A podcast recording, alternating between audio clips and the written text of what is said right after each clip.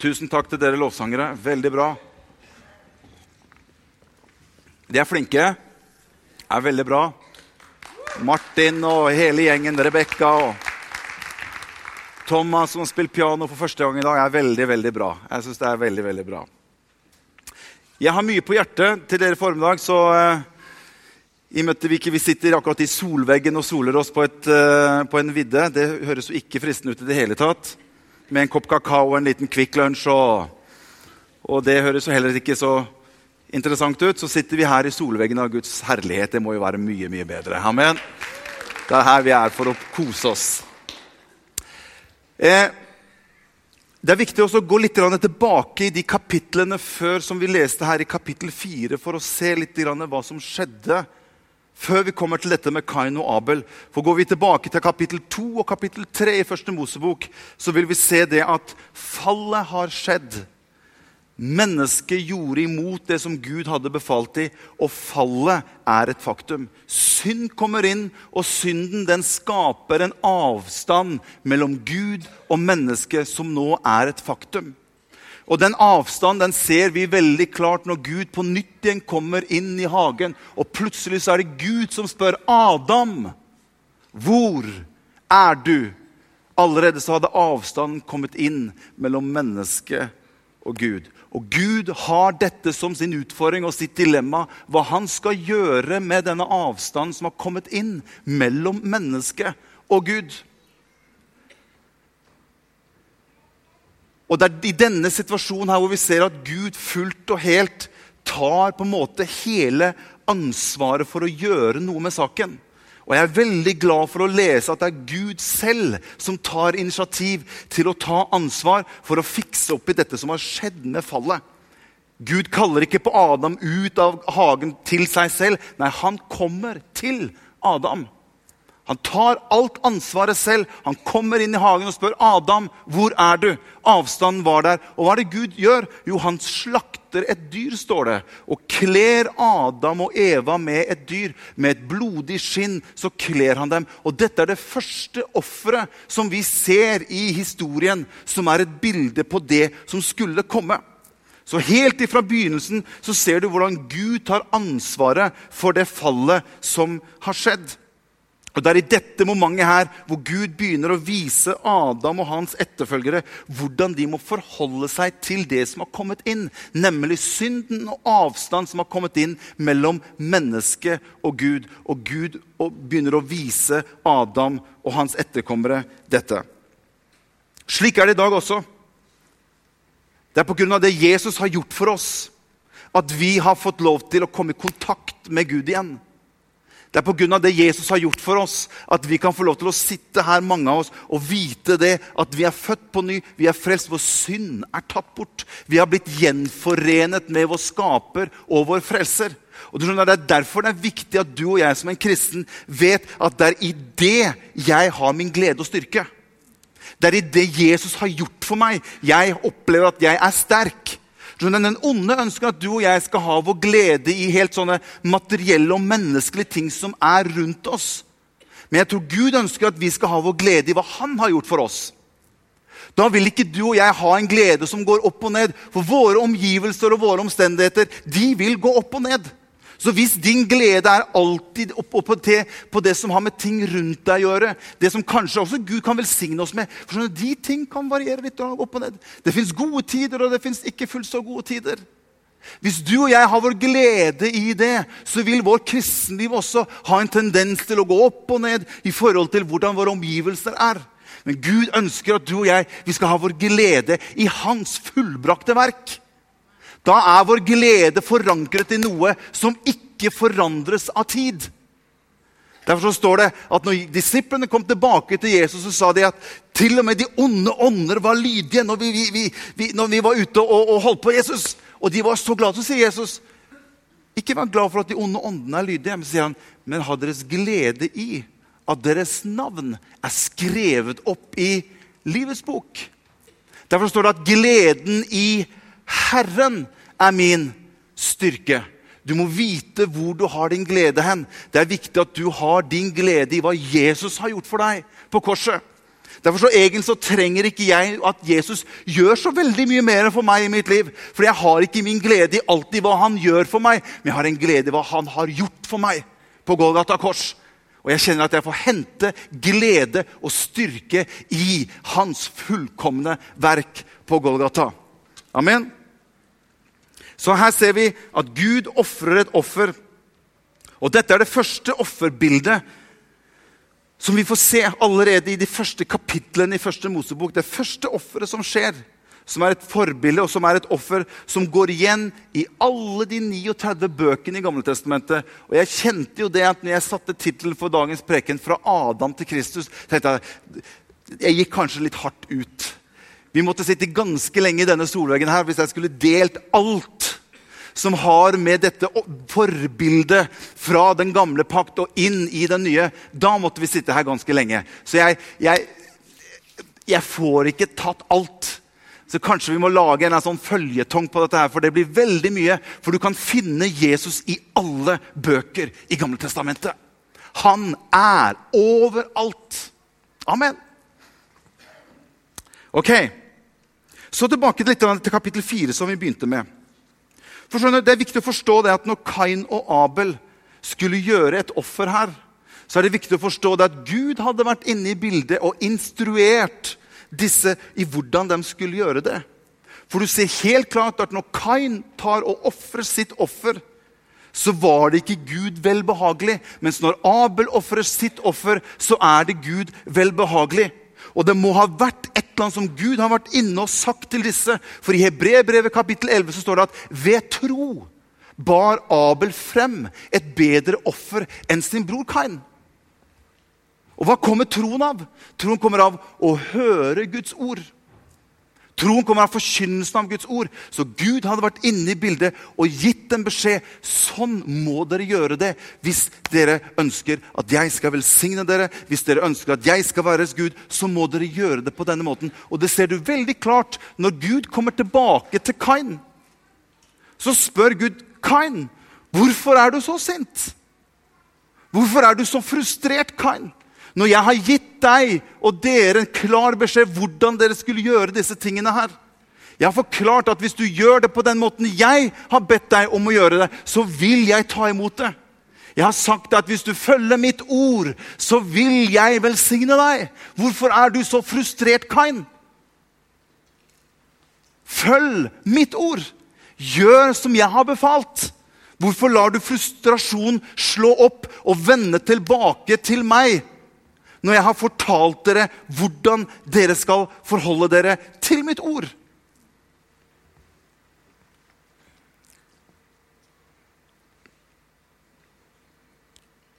Det som også jeg synes er spennende i, i eh, det som skjer litt før kapittel 4, det er når Jesus eller Gud kommer inn i hagen.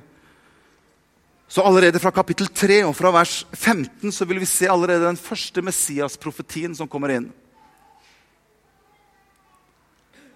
Og det er, litt, det er litt spesielt å legge merke til at når Gud kommer inn i hagen, så henvender han seg ikke til Eva og Adam, men han henvender seg til slangen. Og så profeterer Gud den første Messias-profetien. Så sier han, 'Jeg vil sette fiendskap mellom deg og kvinnen' 'og mellom din sæd og hennes sæd.' 'Han skal knuse ditt hode, og du skal knuse hans hæl.' Dette er en Messias-profeti. Nå vet vi at Kvinnen har ikke noe sæd, men det ordet sæd er det hebraiske ordet som heter sera, som betyr avkom eller frukt. Og Det som Gud sier til slangen, det er at hennes frukt, hennes avkom, hennes barn, skal være med å knuse ditt hode. Den skal være med å vinne en seier over deg. Det er den første messianske profetien som kommer. Og Det som jeg synes er så spennende å se, det er at når, når, e, nei, når eh, jo, når Eva føder sitt første barn, så virker det som at Eva føder sine barn i en forventning om at kanskje det er Messias jeg føder. For når Eva føder sitt første barn, barn Kain, så sier hun jeg har fått en mann ifra Herren. Og Eva tenker kanskje det er denne mannen som skal fri oss ut ifra den avstanden ifra den synd som har kommet imellom oss og Gud. Kanskje det er han som skal gjøre det.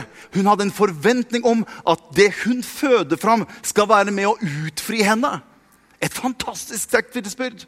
Skjønner, Gud føder noen ting i deg og meg som Gud legger ned i våre liv, som skal bli til velsignelse for deg og meg. Det er slik Gud fungerer. Derfor har han lagt gaver og talenter og tjenester ned i hver eneste en av oss. Og vi, Du og jeg vi er de som skal være med å føde det fram. Vi har veldig lett for ofte å, gå til andre ting på utsiden for at alle ting på utsiden skal fikse våre egne ting. Når Gud planter ting i våre liv som du og jeg ved Den hellige ånd skal være med å føde fram. Jeg har fått en mann ifra Herren, og kanskje det er han som skal frigjøre oss ifra synden. Allerede da begynte forventningen om den Messias som skulle komme. Men du og jeg vet at det var når Maria kom, det var hun som fikk det oppdraget å føde en sønn som skulle fri mennesket ut ifra syndens makt. Halleluja. La oss se litt på, på Henger dere med?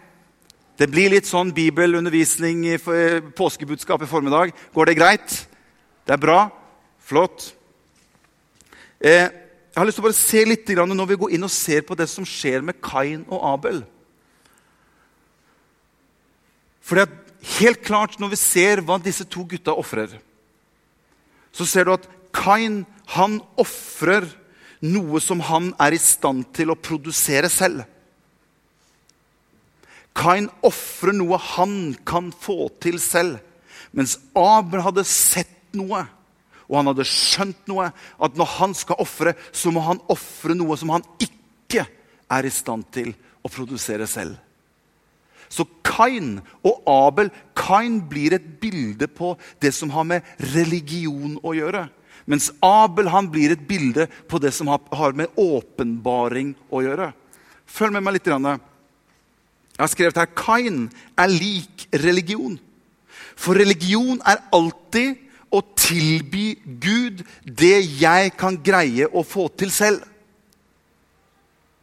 Religion er alltid å tilby Gud noe som jeg kan få til selv.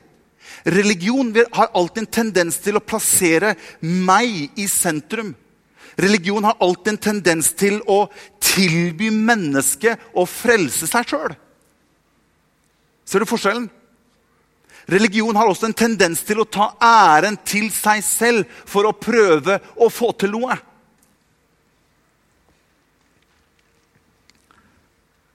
Men Abel hadde sett noe annet. Han hadde sett at det avhenger ikke av hva jeg kan få til i egen kraft, men bare igjennom det Gud kan gi.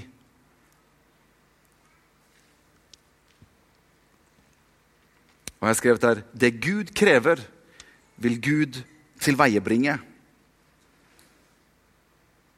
Derfor er jeg veldig glad for at jeg kan i dag oppleve å stå her og vite at jeg er akseptert av Jesus. Uten at jeg skal gjøre noe for det i egen kraft. Uten at jeg skal prøve å produsere noe selv for å prøve å vinne Guds gunst. Jeg kan stå her Når jeg leser i Feserbrevet, så leser jeg mange ganger hvor det står at vi har fått barnekårets ånd. Vi har fått barnekår. Vi har blitt adoptert inn i Guds rike. Når jeg står her i dag, så kan jeg få lov til å se tilbake på noe som har skjedd, og jeg vet at jeg er akseptert av Gud. Det er ikke noe som jeg må gjøre for å bli akseptert av Gud i morgen, men jeg har fått barnekår hos Gud. Jeg er akseptert. Kain han prøvde å bli akseptert. Han prøvde hele tiden å produsere noe sjøl for å bli akseptert av Gud. Men Abel hadde skjønt noe. Uansett hva du og jeg gjør, og det er det som er hele fallgruven i religion Uansett hva du og jeg prøver i egen kraft, så vil det aldri tilfredsstille Gud. Det er Gud selv som må gi det som Gud selv kan akseptere. Og når jeg tar imot det Jesus har gjort for meg, så har jeg fått, og jeg er blitt akseptert. Ikke pga. at jeg skal gjøre noe i dag eller gjøre noe i morgen, men jeg har blitt akseptert pga. hva Jesus har gjort her tilbake på Golgata kors. Er ikke det fantastisk? Og religion vil alltid prøve å få deg og meg inn i en tankegang om at du må være snill og god. Du må være så flink. Du må prøve å få det til. Hva jeg kan få til, da vil Gud akseptere. Det er bare én ting Gud aksepterer. Og Det ser du så klart i Kain og Abel sitt offer. Kain prøvde å være snill og god. Kain prøvde å, å, å fikse sjøl. Kain prøvde å få til et godt offer. Tenkte, Dette må Gud like. Å, se hva jeg har fått til! Og så ofrer han det opp for Gud. Men Gud tar ikke imot det. Mens Abel tenker dette er for stort for meg. Jeg har ikke kjangs sjøl. Så Gud, bruk et lam som ingen av dere er i stand til å produsere selv. Ofre opp det. Det vil jeg ta imot. Halleluja. Jeg er akseptert. Kan du si det? Jeg er akseptert Ja, det var ikke Jeg er akseptert. Er ikke det fantastisk? Så om du har en dårlig dag på jobben som kristen, så er det ikke sånn at du blir mindre akseptert av Gud. Eller hvis du tenkte en feil tanke som ikke var så god, så er det ikke sånn at du går liksom, Har du sett disse barometerne som går fra grønt og opp til rødt? og liksom, Det går opp og ned. Det er ikke sånn at Gud aksepterer deg i forhold til hvordan du er hele tiden. Du er akseptert. Om gutta mine, som er så snille og feilfrie Det skjer nesten aldri noe at det er, det er aldri et eller annet, liksom. Aldri. Sånn. Aldri. Det er ikke sånn at hvis de gjør et eller annet eller ikke har en god dag på jobben hjemme hos oss Det er ikke sånn at de er mindre sønnene mine. Det er ikke sånn at de nesten ja, men litt mer nå, så er ikke du min sønn. Uansett så vil de være mine sønner. Fordi de er akseptert. De er født inn i vår familie. Jeg er deres far, dem er mine sønner. Sånn er det. Og de kan få lov til å vite det, at selv om jeg har gjort noe galt, selv om jeg har gjort noe som jeg ikke trengte å gjøre, så er jeg sønn av faren min. Og det vet jeg at det er de utrolig stolte av. Halleluja. Se, se, følg med meg litt videre. Når var det jeg begynte? Kvart på? Ja. Se her. Den onde har kommet for å stjele, myrde og ødelegge. Følg med meg litt til. Vi er ikke helt ferdig med Kain og Abel ennå. Det er dette som griper Kain. Og det virker som han retter sin misunnelse og sitt sinne mot Abel. Abel er et bilde på Kristus. Og Det som jeg synes er så fantastisk når jeg leser det som står om Kain og Abel, det står at Kain og Abel var ute på marken. står det. Hvem var det som på en måte var sjefen på marken? Det var Kain. Han var jordbruker. Så Kain hadde tatt med seg Abel ut på marken hvor han hadde sitt område. Det står om Jesus at han forlot det himmelske, og så kom han ned inn i vårt område. Jeg syns det er fantastisk. Jesus ga avkall på sin herlighet og kom hit ned på jorden, hvor du og jeg er. Kain hadde Abel med seg inn på marken, står det. Og så står det på marken slår Kain Abel i hjel. Det var når Jesus kom inn i denne jorden at det var vi som tok livet av Jesus. Nå, nå ga han seg til eget liv, men bare følg litt bildet. Når Kain slår Abel i hjel, så står det at blodet hans begynte å strømme ned i marken som Kain rådde over. Kain prøvde å gjemme Abel. Han ble litt fortvila. Hva gjør jeg med dette her? Som, på samme måte som de prøvde å dekke til dette som Jesus hadde gjort. Han ble lagt i en grav. Han for opp til himmelen. Hvor var Jesus hen? Men det står at Abels blod ropte ifra marken. På samme måte er det Jesu blod roper enn i dag. Og skjønner, Det er ikke slik at selv om han er i himmelen, så er alt over og ut. Hans blod, Jesu blod, er like tilgjengelig. Det roper enda fra Golgata kors. Og det er et blod som du og jeg har tilgang til 24 timer i døgnet. Slik at du og jeg kan få ta del i det som Jesus har gjort for oss på Golgata kors. Jesu blod roper fortsatt ut ifra Golgata kors. Fantastisk. Halleluja. Ok. Dette var del én. Vi skal gå opp til del to. Gå med meg til 4. Mosebok. Vi skal forlate Kain og Abel. Følg med meg til 4. Mosebok kapittel 19 og vers 1-6. skal vi lese litt. Greier dere litt til? Bra. 4. Mosebok kapittel 19 og vers 1-6. Skjønner Jeg har vært på en lang reise inn i dette. her. Jeg må bare ta dere med litt på den reisen her. Herren talte til Moses og Aron og sa Dette er det som står i 4. Mosebok kapittel 19. Dette er en forskrift i loven som Herren har befalt og sagt. Si til Israels barn at de skal komme til deg med en rød kvige uten lyte, som ikke har noen skavank, og som det aldri har blitt lagt noe åk på. Du skal gi den til presten Elazar, så han kan ta den med utenfor leiren. Presten skal vi se, Der skal den slaktes rett foran ansiktet hans. Presten Elazar skal ta noe av blodet fra den på fingeren og stenke noe av blodet fra den syv ganger rett foran åpningsteltet. Deretter skal kvigen brennes for øynene på han. Både huden, kjøttet, blodet og tarminnholdet skal brennes. Presten skal ta sedertre, isopp og rød skarlagen eller ull, kaste det midt inn i flammen fra kvigen. Dette er vanskelig. Dette er tungt. Dette er skikkelig tungt. Men jeg skal prøve å forklare litt. Dette er et utrolig sterkt forbilde på Jesus Kristus. Et fantastisk sterkt forbilde på Jesus Kristus. Du vet at Det har blitt sagt at den generasjonen som lever av kristne i dag, er de menneskene med minst bibelkunnskap av alle generasjoner som har levd opp igjennom historien. Og hør Jeg har ikke tenkt å være pastor for noen av de.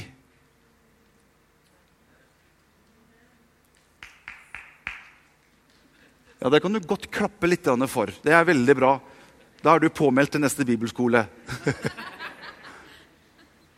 Jeg har ikke tenkt å være pastor fordi Du skjønner, Hvis vår bibelkunnskap er på et så lavt nivå du skjønner, Det står i min bibel det at folket går til grunne på mangelen av kunnskap. Du skjønner, det er derfor jeg tar noen av disse tingene her for å vise dere litt. Hvis ikke du vet hva du har, hva skal du da bruke når tingene blir vanskelig? Det er akkurat det samme som skjer med Kain og Abel. Han hadde begynt å undervise. Noen tok i tak i det Gud hadde sagt. De andre gjorde ikke det. Jeg ønsker at den, denne menigheten her skal være et folk som vet på hvem de tror. Det er et folk som vet hvem de er i Kristus Jesus. De vet hva de har fått gjennom Guds fullbrakte verk. Det er et folk som vet at når de kommer opp i vanskeligheter, så trenger de ikke alltid å ringe til pastor Morten for å få hjelp. Men om de sitter i en bil, eller om de kjører et eller annet sted, eller er et sted og tingene er vanskelig, så har de fått noe som gjør at de kan ta tak i det de har fått. For det står at den ånd som reiste Kristus opp fra døde, den bor ved troen i mitt hjerte. Og kunnskapen om hvordan Guds ord fungerer, kan gjøre at du der og da kan begynne å ta tak i tingene selv. Og begynne å kjenne og oppleve at kraften fra evangeliet fungerer ikke bare for noen få, men den fungerer for deg der du er, midt oppi dine omstendigheter og midt i dine vanskeligheter. Og det er et slikt folk som må få lov til å vokse opp. Det er de som er sterke. Det er de som begynner å vite og kjenne til hva Guds ord sier om en del ting. Amen. Derfor er vi nødt til, og det er derfor jeg prøver å vise dere litt sånne ting som dette her, sånn at dere kan få lov til å se. Du skjønner, Denne røde kvigen som det snakkes om her, er en ungkalv. En rød ungkalv. I Israels historie så mener man det er litt forskjellige meninger. Noen mener at det har vært opptil ni slike ungkalver. Noen mener at det bare har vært seks sånne ungkalver. Det var en sjeldenhet at de klarte å få tak i en kvige som var så fullkommen, lyteløst, uten noe plett, som kunne være et forbilde på det som skulle komme. Det var en sjeldenhet. Og i det som vi får lese om her, det er et sånt tilfelle. Og når det er så sjelden som det, da vil jeg gå inn og sjekke hva var det med den kvigen. Hva er det for noe i denne teksten her som er et så sterkt og sjelden forbilde på det som skulle komme? Da har jeg lyst til å sjekke litt. Amen. La meg kort forklare litt. Det står at denne kvigen ble atskilt for sitt oppdrag når den er ganske liten. Jeg leste faktisk nå at de hadde en kvige i Israel som den trodde kunne være en fullkommen en. Som det ikke har vært på mange mange, mange, mange år. Og så leste jeg om at den faktisk den røytet sorte hår. Som gjorde at de måtte se bort ifra den kvigen. Så Israels folk, jødene, går og venter på å få denne fullkomne kvigen som gjør at de kan oppta denne offertjenesten. Men det var litt på siden. Denne kvigen ble atskilt for sitt oppdrag. Det står at Jesus ga avkall der han var i himmelen, for å ta sitt oppdrag. Det står at kvigen ble ført til presten. Jesus måtte også bli ført til en prest. Og Følg med litt nå. Hør. Det som er litt spennende å lese om Jesus, det er at når Jesus går omkring, så i noen tilfeller virker det som at folk prøvde å drepe Jesus. Men hør, Jesus måtte ikke bli drept. Han måtte i hvert fall ikke bli drept uten en prest. Derfor så ser du noen tilfeller at Jesus han snudde seg, og så gikk han nesten som et spøkelse rett gjennom folkemengden. For det hadde ikke vært en prest inne i bildet. Hadde Jesus blitt drept, så hadde han bare blitt henrettet, og det hadde ikke vært et gyldig offer for oss. Så når Jesus gikk her nede på jorden, så måtte han sørge for at hele profetien, alle de forbildene som var i Gamletestamentet, måtte bli oppfylt i ham. Han måtte sørge for at hver eneste punkt på den listen måtte nøye bli strøket av, slik at han kunne bli den fullkomne offeret som han skulle være på vegne av deg og meg. Skjønner, Det er litt spenning i filmen. skjønner du. Det var utrolig strenge krav for å kvalifisere denne krigen. Det som er litt spennende, det er at når Jesus blir tatt til fange så blir Jesus stilt foran Pontius Pilatus, som er landshøvding. Og se hvordan hele denne kvalifiseringen av Jesus kommer inn i bildet. Jesus blir stilt foran Pontius Pilatus, som er landshøvding. Og Legg merke til hva som skjer med Pontius Pilatus. Han begynner å spørre ut Jesus. Han begynner å sjekke ut Jesus. Han begynner å forhøre ham. Han begynner å sjekke ut tingene. Og vet du hva det ender opp med? Det ender opp med at Pilatus klarerer Jesus. Det står at 'Jeg finner ingen feil med denne mannen'. Hva er det Pilatus gjør for noe? Han klarerer offeret. Men hør, Pilatus var ingen jøde, Pilatus var ingen, ingen prest, så han kunne ikke ofre Jesus. Hadde Pilatus henrettet Jesus på et kors, så hadde han blitt drept. Derfor kunne ikke Pilatus ta og bare korsfeste Jesus, for da hadde han blitt henrettet på et kors. Pilatus henrettet massevis av mennesker på korset. Bare selv den dagen Jesus hang på et kors, så var det to stykker i tillegg til Jesus som hang på et kors. Men Pilatus sier at 'jeg finner ikke noe feil med denne mannen'. Han klarerte ut Jesus. Så sier han 'få noe vann'. Så la meg vaske mine hender. Jeg vil ikke ha noe del i dette. Og så sier han, så leverte han dem Jesus ferdigklarert. Den røde kvigen som han hadde eksaminert så grundig, den leverte han over til presten og sier han, dere gjør hva dere vil med han. Hvorfor det?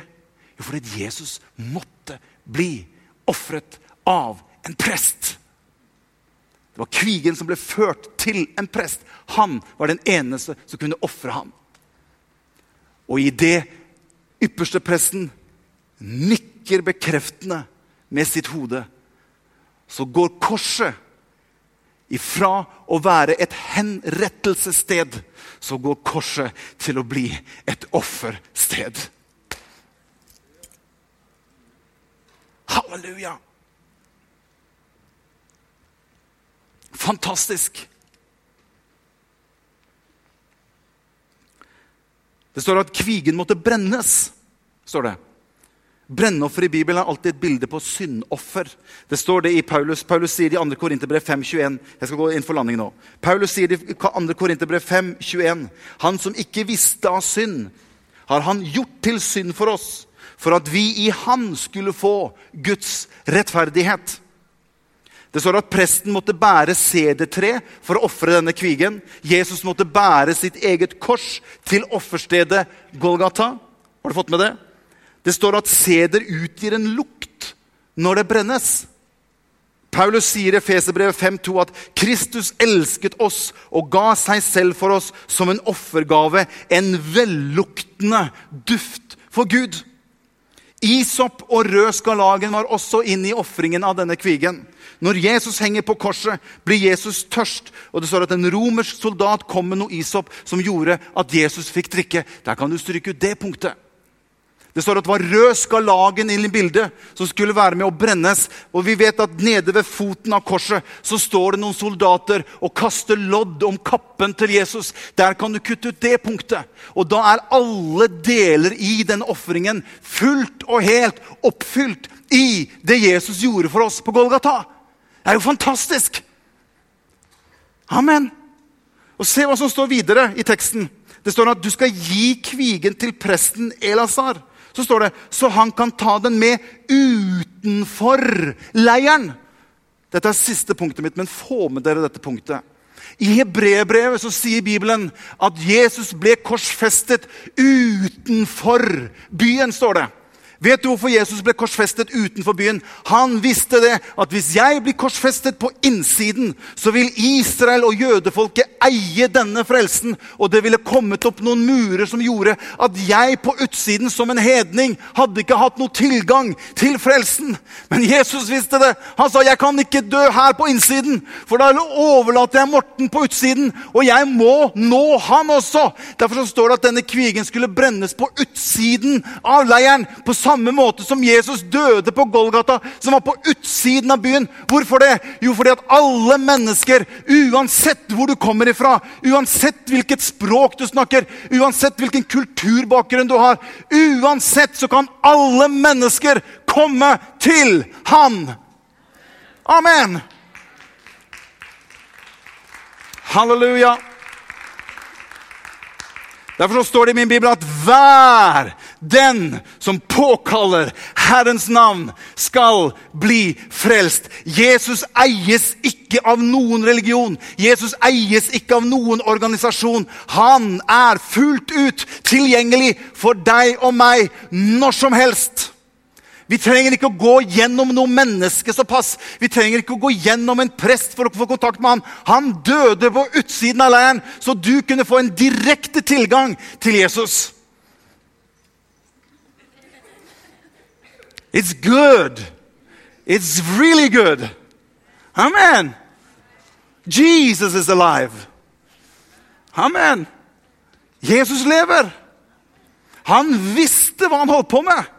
Og han oppfylte hele Det gamle testamentet. Det var ingenting som var uteblitt. Det var ikke punkt, det var ikke en tøddel, det var ikke en komma som ikke var oppfylt hos Jesus. Derfor kunne ikke Jesus finne noe feil når han kommer ned i dødsriket. og Han står der foran den onde, og så sier Jesus, 'Om ikke du finner noe synd i meg, så gi meg nøklene til døden og dødsriket, og jeg er seierherre over deg.' Jesus han har vunnet en knusende seier, dere. Det er en seier som er like virkningsfullt i dag som den er til 2000 år siden. Jeg har lyst til å lese et kapittel, et vers til dere som jeg bare leste i formiddag.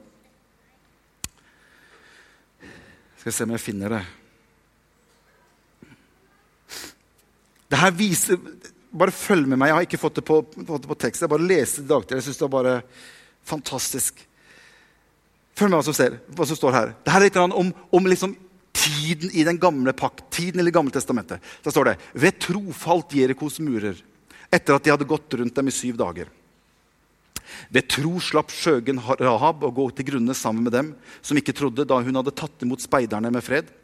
Og hva mer skal jeg si? Jo, for tiden ville ikke strekke til om jeg skulle fortelle om Gideon, om Barak, om Samson, om Jefta, om David, om Samuel og profetene.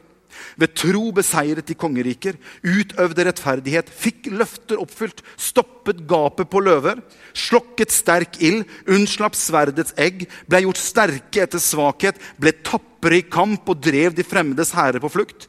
Kvinner fikk sine døde igjen ved oppstandelse. Andre ble torturert uten å ta imot befrielse for at de kunne oppnå en bedre oppstandelse. Andre igjen fikk prøvelser med spott og pisking, ja, med lenker og fengsel. De ble steinet, de ble fristet, de ble slått i hjel med sverd. De flakket omkring i saueskinn og geiteskinn. De led nød, ble plaget og pint, og denne verden var dem ikke verd. De flakket omkring i ørkener og i fjellene, i huler og i jordens grotter. Og alle disse, selv om de fikk godt vitnesbyrd ved troen, så står det, så fikk de ikke se oppfyllelsen av løftet. Alle disse ned i Det gamle testamentet de bare så liksom litt av dette som skulle skje. De glimtet litt inn. Hva er det her egentlig? Og mange av de som så kanskje mest, det står at de lengtet etter å kunne få lov til å oppleve den dagen. Og så står det i det siste verset her For Gud Det er jo fantastisk. For Gud hadde på forhånd utsett noe bedre for vår skyld for at de ikke skulle bli fullendt uten oss. Så sier Paulus, derfor skal også vi, siden vi er omgitt av en så stor sky av vitner Hvem er denne skyen av vitner? Det er alle disse gutta og jentene som har vært før oss. Som levde i Det gamle testamentet. Som gikk gjennom vanskelige ting. De er våre vitner i dag. De står liksom rundt oss i det store løpet som vi er oppe i. Og Hvis du føler deg ensom eller alene oppe i det løpet, så bare vit at du har en stor sky av vitner som står bare og heier på deg. Kom igjen! Dere har jo fått stafettpinn nå. Gå videre! Fortsett! Derfor skal vi, siden vi er omgitt av en så stor sky av vitner, legge av enhver byrde og synd som så lett fanger oss, og løpe med utholdenhet i den kampen som er lagt foran oss, mens vi ser på Jesus, troens opphavsmann og fullender. På grunn av den gleden som var lagt foran ham, utholdt han korset. Aktet ikke på skammen og har nå satt seg ved høyre, satt seg ved høyre side av Guds trone. Halleluja. Der har ikke jeg noe mer, jeg. Jeg syns det er egentlig veldig greit. Jeg syns det er nok. Jeg greier ikke mer nå. Nå er jeg helt full, jeg. Men jeg syns jeg bare ser litt inn i hva Jesus har gjort for oss. Og for et fantastisk oppfyllelse av Skriften han var. Fantastisk. For en Jesus vi har. Og Vi kan få lov til å se fullt inn i det. Vi trenger ikke å se det i tåker. Vi trenger ikke å se det liksom, Hva betyr dette her? Vi kan få se fullt og klart inn i alt Jesus har gjort for oss. Halleluja. Skal vi reise oss opp alle sammen til slutt?